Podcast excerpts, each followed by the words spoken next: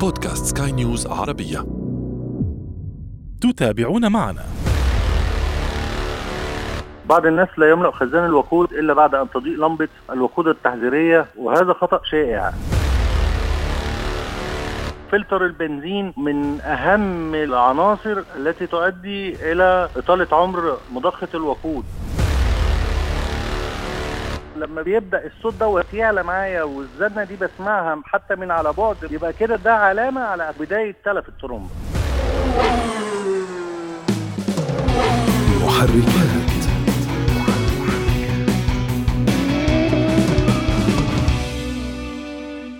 إن كنت تملك مركبة قديمة بعض الشيء وبدأت تواجه مشكلات في تشغيلها في الصباح لا تتسرع في الذهاب إلى كهربائي فقد تكون المشكلة ببساطة في أول نقطة في خط البنزين المضخة أهلا بكم مستمعين في محركات برنامج البودكاست الذي يهم كل من يقود أي نوع من المركبات أو حتى يجلس فيها. نحن هنا نهتم بتقوية ثقافة المركبات لديكم وفي كل حلقة نفتح أحد الملفات ولا نغلقه قبل أن نصل إلى نتيجة وتوصيات. أعده وأقدمه لكم أنا أشرف فارس عبر أثير سكاي نيوز عربية. محركات.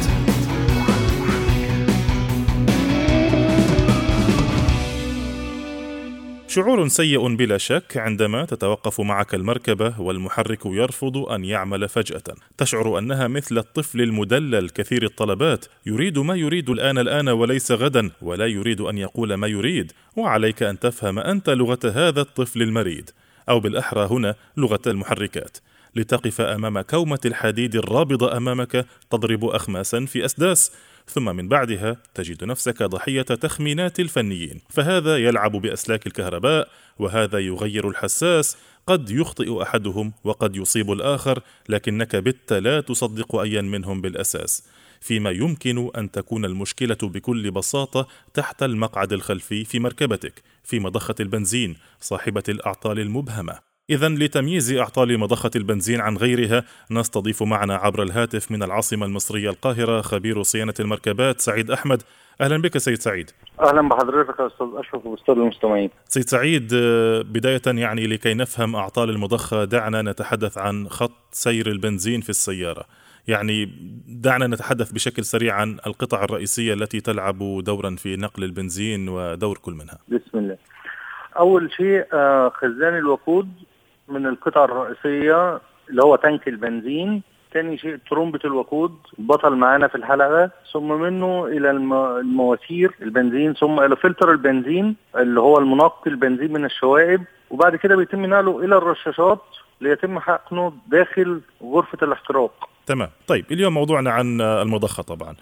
ما هي أبرز الأسباب التي يمكن أن تؤدي إلى عطل في المضخة؟ هو آه، المشاكل اللي بتؤدي للعطل في المضخة ممكن يكون العم- العميل نفسه أو مالك السيارة وهنا هيكون مفاجأة لبعض المستمعين. بعض الناس لا يملأ خزان الوقود إلا بعد أن تضيء لمبة الوقود التحذيرية على لوحة العداد. وهذا خطأ شائع لأن ال- مضخة البنزين بتحتاج لتبريد والتبريد بتاعها بيكون من الوقود نفسه من البنزين نفسه. السبب الثاني اللي بيؤدي لعطل ترمبة البنزين بيكون من خلال عدم ذهاب العميل إلى الصيانة الدورية وهذا أيضا خطأ. لأن تغيير فلتر البنزين من أهم العناصر التي تؤدي إلى إطالة عمر مضخة الوقود وفي سبب كمان قائد السيارة ما بيحطش بنزين من بنزينة يعني ليها ذو سمعة طيبة. مم. بيكون فيه في في قلب التانك البنزينة نفسه في البنزينة نفسها بيكون في شوائب داخل ترمبات البنزين. نعم أنت تتحدث هنا عن محطات الوقود بالبنزينة. محطات الوقود. بالظبط. فدي من أبرز الأسباب التي تؤدي إلى أعطال ترمبة البنزين نفسها. طيب. آه، يعني المربط الفرس هنا ليس حجم الأوكتان في الوقود ولكن نظافة البنزين داخل المستوعب. لا لا لا مش حجم مش حجم الاوكتين نعم. بس طبعا حجم الاوكتين مش ما ينفعش إن يكون مصنع السيارة قايل لي أحط بنزين 95 وأنا أحط 80 ما ده برضه بيبقى من أسباب لتلف المحرك نفسه. وليس مضخة الوقود فقط. طيب خلينا في المضخة. أه كما تحدثنا في بداية الحلقة هناك عدة أعطال يمكن أن تؤدي إلى توقف المركبة وعدم تشغيلها عدم وصول البنزين إلى المحرك. بعض الناس تمام. يبدأ يعني في في التخمينات. أه، بعضهم يقول حساس الهواء بعضهم يقول حساس الكامشافت حساس الكرانكشافت. البعض الآخر يقول لك مشكلة كهرباء وكمبيوتر والبعض الآخر يقول لك مشكلة طبعا في خط سير البنزين. أنا كمستخدم عادي يعني قد أقع في حيرة عندما يقول لي أحد كل هذه الاحتمالات وربما نمر عليها كلها قبل أن نصل إلى الجواب الصافي أو الجواب الشافي كيف أعرف أن مشكلتي في مضخة البنزين لوحدها كيف هل هناك طريقة لي أنا كمستخدم لأميز العطل في مضخة البنزين عن غيرها؟ طبعا وخلينا هنا ندي يعني معلومة مفيدة للسادة المستمعين مم. إن أنا أول ما بفتح الكونتاكت وبتشتغل إضاءة العدادات. بدون ما أن أدور المحرك بسمع صوت خافق يأتي من خلفي بالتحديد تحت الكنبة الخلفية مم. الصوت الخافق دوت يكون هو مصدر صوت ترمبة البنزين أو مضخة الوقود إن لم أسمع هذا الصوت عندما تعطل السيارة بي فده بيكون دليل واضح جدا على إن ترمبة البنزين مش شغالة مم. يعني الصوت علامة جيدة وليس علامة سلبية ع- علامة جيدة في حين إنه بيكون صوت خافق. إنما لما بيكون بيبدأ الصوت دوت يعلى معايا والزنة دي بسمعها حتى من على بعد وأنا بعيد عن السيارة. يبقى كده ده علامة على تلف الترومبه أو م. بداية تلف الترومبه. ما هي أعراض تلف الترومبة نفسها؟ أعراض تلف الترومبه كتيرة جدا منها مثلا على سبيل المثال عدم انتظام المحرك أثناء الدوران في السلانسيه يعني أثناء السيارة وهي دايرة بس بتكون واقفة مم. بيكون في زي رعشة بسيطة منها أيضا تأخير التشغيل صباحا مم. وفرقعه بتحصل من ال manifold أو من عند عم بالظبط كده من عند فلتر الهواء مم. منها أيضا ضعف السحب وخنقة أثناء السير بالسيارة.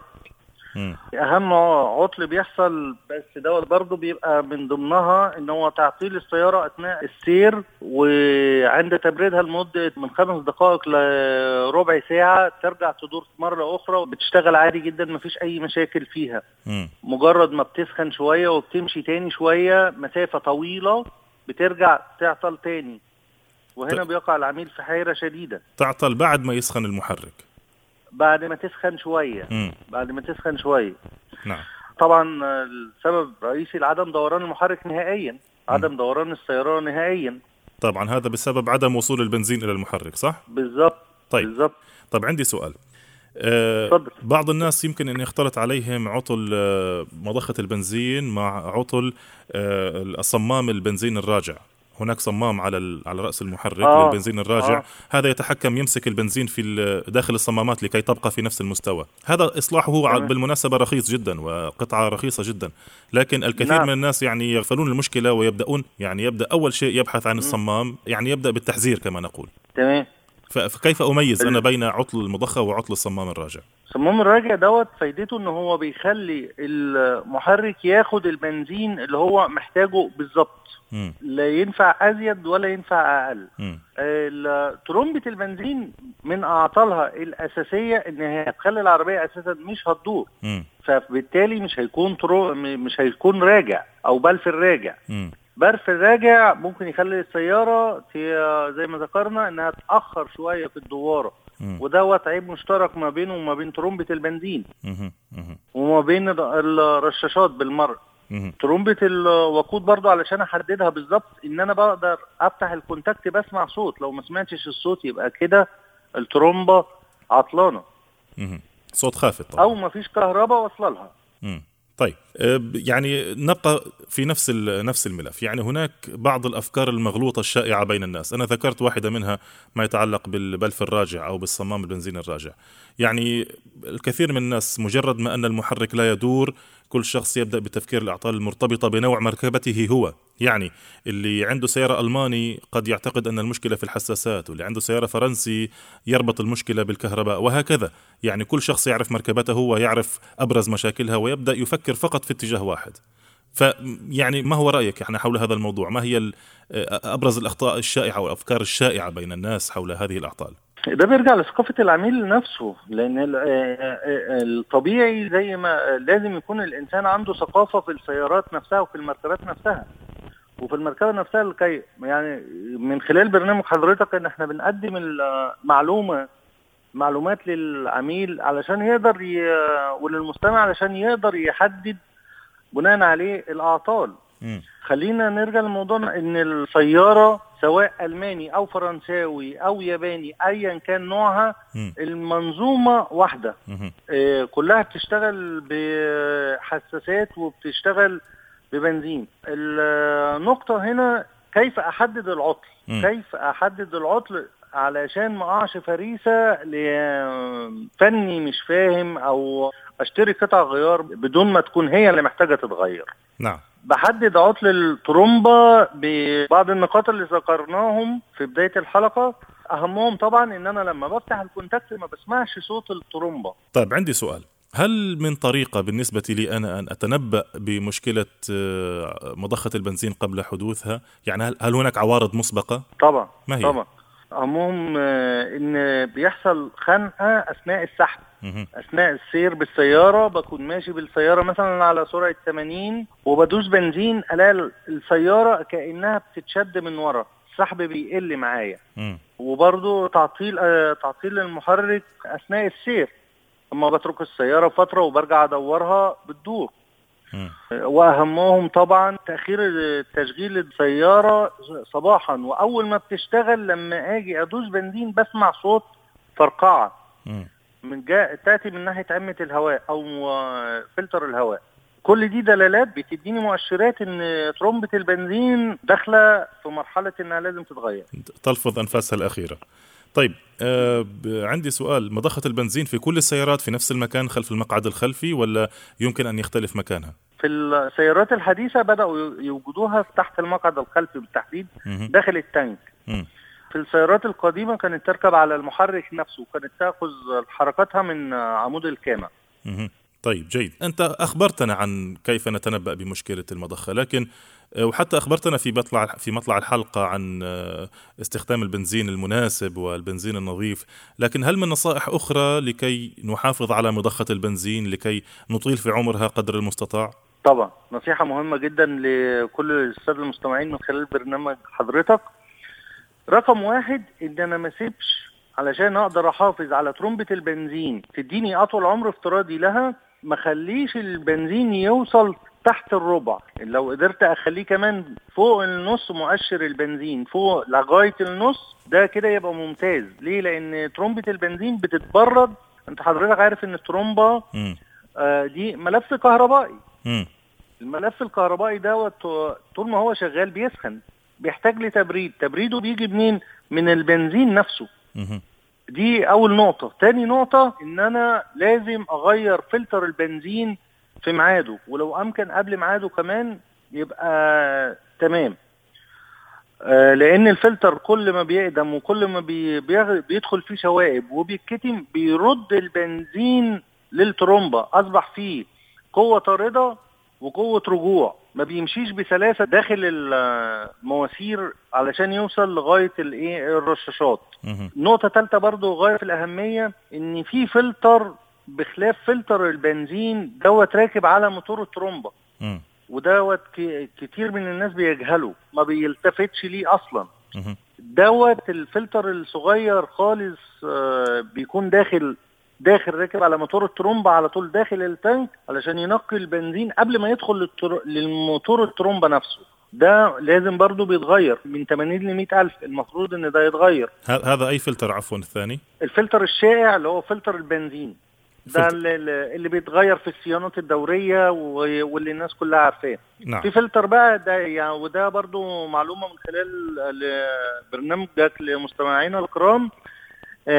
فلتر داخلي راكب على موتور الترومبه ده جوه التانك نفسه. تمام. طيب آه. هذا هذا حسب ما فهمت منك آه، عمره الافتراضي 80 ألف كيلومتر تقريبا.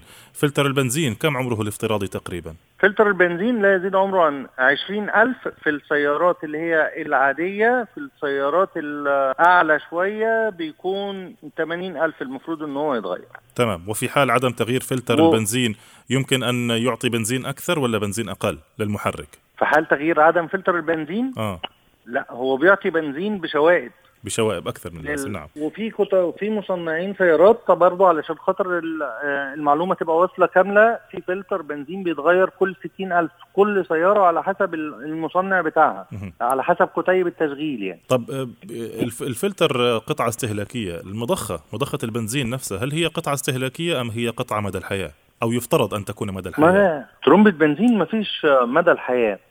هو إحنا ليها اسباب اللي, اللي ذكرناها علشان نقدر نحافظ عليها ونطول عمرها. انما مدى الحياة دي صعبة كتير. يعني ربما خانني التعبير لا أقصد مدى الحياة بالكامل ولكن آه. أنا أتحدث عن عمر طويل. يعني القطعة الاستهلاكية كما قلت عمرها 80000 100000 10000 حسب الاستخدام والاستهلاك. يعني عمرها سنة سنتين خمس سنوات. في بعض القطع عمرها أطول من ذلك بكثير. هذه ما تسمى بقطع مدى الحياة. يعني المحرك على سبيل المثال لا يفترض أن نعم. أغيره آه، على ال ألف كيلو على سبيل المثال تمام؟ آه نعم نعم. يعني هذا هو نعم. الأساس في السيارة. آه على حسب نوع, نوع السيارة. يعني مثلا الكوري آه بيكون من 100 ل 150 ألف الفرنساوي 250 لغاية 300 الألماني بيختلف. كل سا... كل سيارة بتختلف على حسب ال material اللي مصنعة منه الخامات اللي مصنعة منه. طيب. أكمل أكمل. نعم تفضل. الخامة الخامة المستهلكة يعني مثلا في ترومبة بنزين في سيارة ثمنها 1000 جنيه غير سيارة ترومبة البنزين ثمنها 5000 جنيه. تختلف الخامات والقطع. وهنا يعني... أيضا بيختلف العمر. آه يعني موضوع يرجع حتى إلى الشركة الصانعة. طيب. بالضبط. آه، يعني بعض الشباب الرجال تحديدا آه، يحبون أن يلعبوا بسياراتهم بأنفسهم، يعني يحبون أن يفكوا ويركب بسيارته بنفسه ويحب أن يتعلم الميكانيك على سيارته، فيعني تمام. ماذا ماذا نقول لهؤلاء يعني هل فك مضخة البنزين عملية سهلة ده. ولا صعبة؟ هل تحتاج إلى خبرة معينة؟ يعني أعطينا شوية من أسرارك هو دي في منتهى السهولة يعني وهو دوت إحنا الجمهور المستهدف من برنامج من خلال برنامج حضرتك يعني الترومبة البنزين إحنا بنرفع علشان نفكها أو نغيرها بنرفع الكنبة الخلفية بنلاقي غطاء أسود. الغطاء الأسود دوت قد يكون ملزوق بلاصق أو مربوط بمسامير. غالبا تكون مسامير حرف زائد. بتتفك آه، بنفك حرف زائد أو لو هو الغطاء ملصوق بنرفعه عادي بالمفك. بنلاقي تحتيها بالظبط فيشه مربعه وخرطومين ترمبة البنزين واحد للداخل وواحد للخارج. للراجع للبنزين الراجع. من خلال كليبس بنضغط عليه وبنرفع الفيشة لفوق بنشد الفيشة لفوق معانا. خرطوم البنزين الخرطومين بيكون فيهم كليبسات. بنضغط على الكليبسات وبنشد الخراطيم بالراحة بتطلع معانا. وبنفك المسامير الداير سواء هي مفكة مفك صليبة أو بتكون برأس 8 المسامير ديت بتكون حوالي 10 مسامير أو 8 مسامير على حسب الشركة المصنعة. نعم. بنفك المسامير ديت وبيطلع معانا الغطاء الحديد ثم بعد ذلك بنشيل الترومبة. وإحنا بنرفعها بنرفعها بالراحة علشان خاطر العوامة بتاعه مؤشر البنزين ما تبص. نعم. وبنركب الجديد الجديدة. بنفس الطريقة. وفي نوع تاني بيبقى راكب بنظام آه زي صمولة كبيرة الووز يعني الفك بيكون عكس اتجاه عقرب الساعة والرباط بيكون مع اتجاه عقارب الساعة. نعم جيد جدا. طيب والله هذه معلومات جدا مفيدة أخذناها منك اليوم. عندي سؤال أخير يعني لو حدث فضل. وأن تعطلت معي مركبتي ويعني اشتبهت بأن المشكلة كما قلت من مضخة البنزين هل هناك أمل أن تعمل السيارة وأن أخذها بنفسي إلى نعم. الفني ولا خلاص وقفت؟ يعني وقفت. لا. هدي لحضرتك بقى تركاية كده من بتوعنا. دي عشان خاطر برضه حضرتك أو خاطر السادة المستمعين. لو اتأكدت إن دوت مشكلة في الترومبة أنا بقدر أفك الكرسي وبرفع الغطا وبفتح ال contact. لو ما سمعتش صوت الترومبة حتى لو ما معيش عدة بجيب المفتاح بتاع العجل.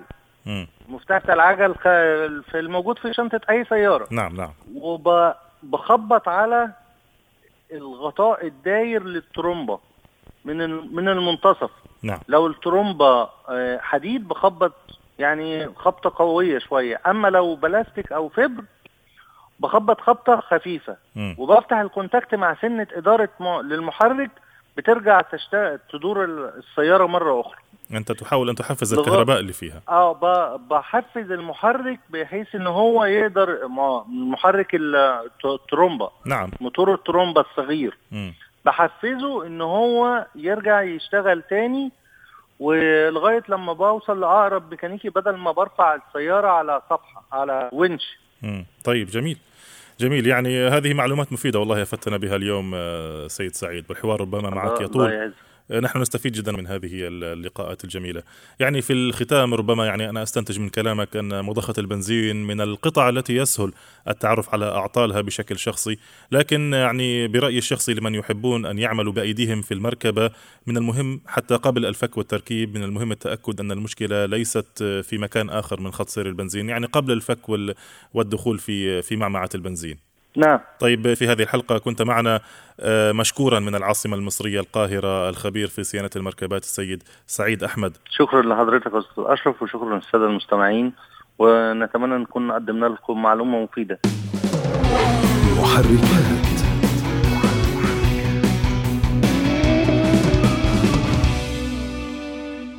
أنتم مستمعينا الكرام أيضا إذا حاز هذا البودكاست على استحسانكم يرجى منكم إعطائه التقييم المناسب وإذا كانت لديكم أي تعليقات أو تحسينات دائما يسعدنا أن نستقبل رسائلكم عبر منصاتنا المختلفة وليس فقط عبر منصات بودكاست سكاي نيوز عربية. كان معي في الإخراج الفني إيدي طبيب في الإعداد والتقديم كنت معكم محدثكم أنا أشرف فارس. نشكركم مرة أخرى على حسن المتابعة. دمتم دائما وأبدا. في أمان الله. مع السلامة. محركات.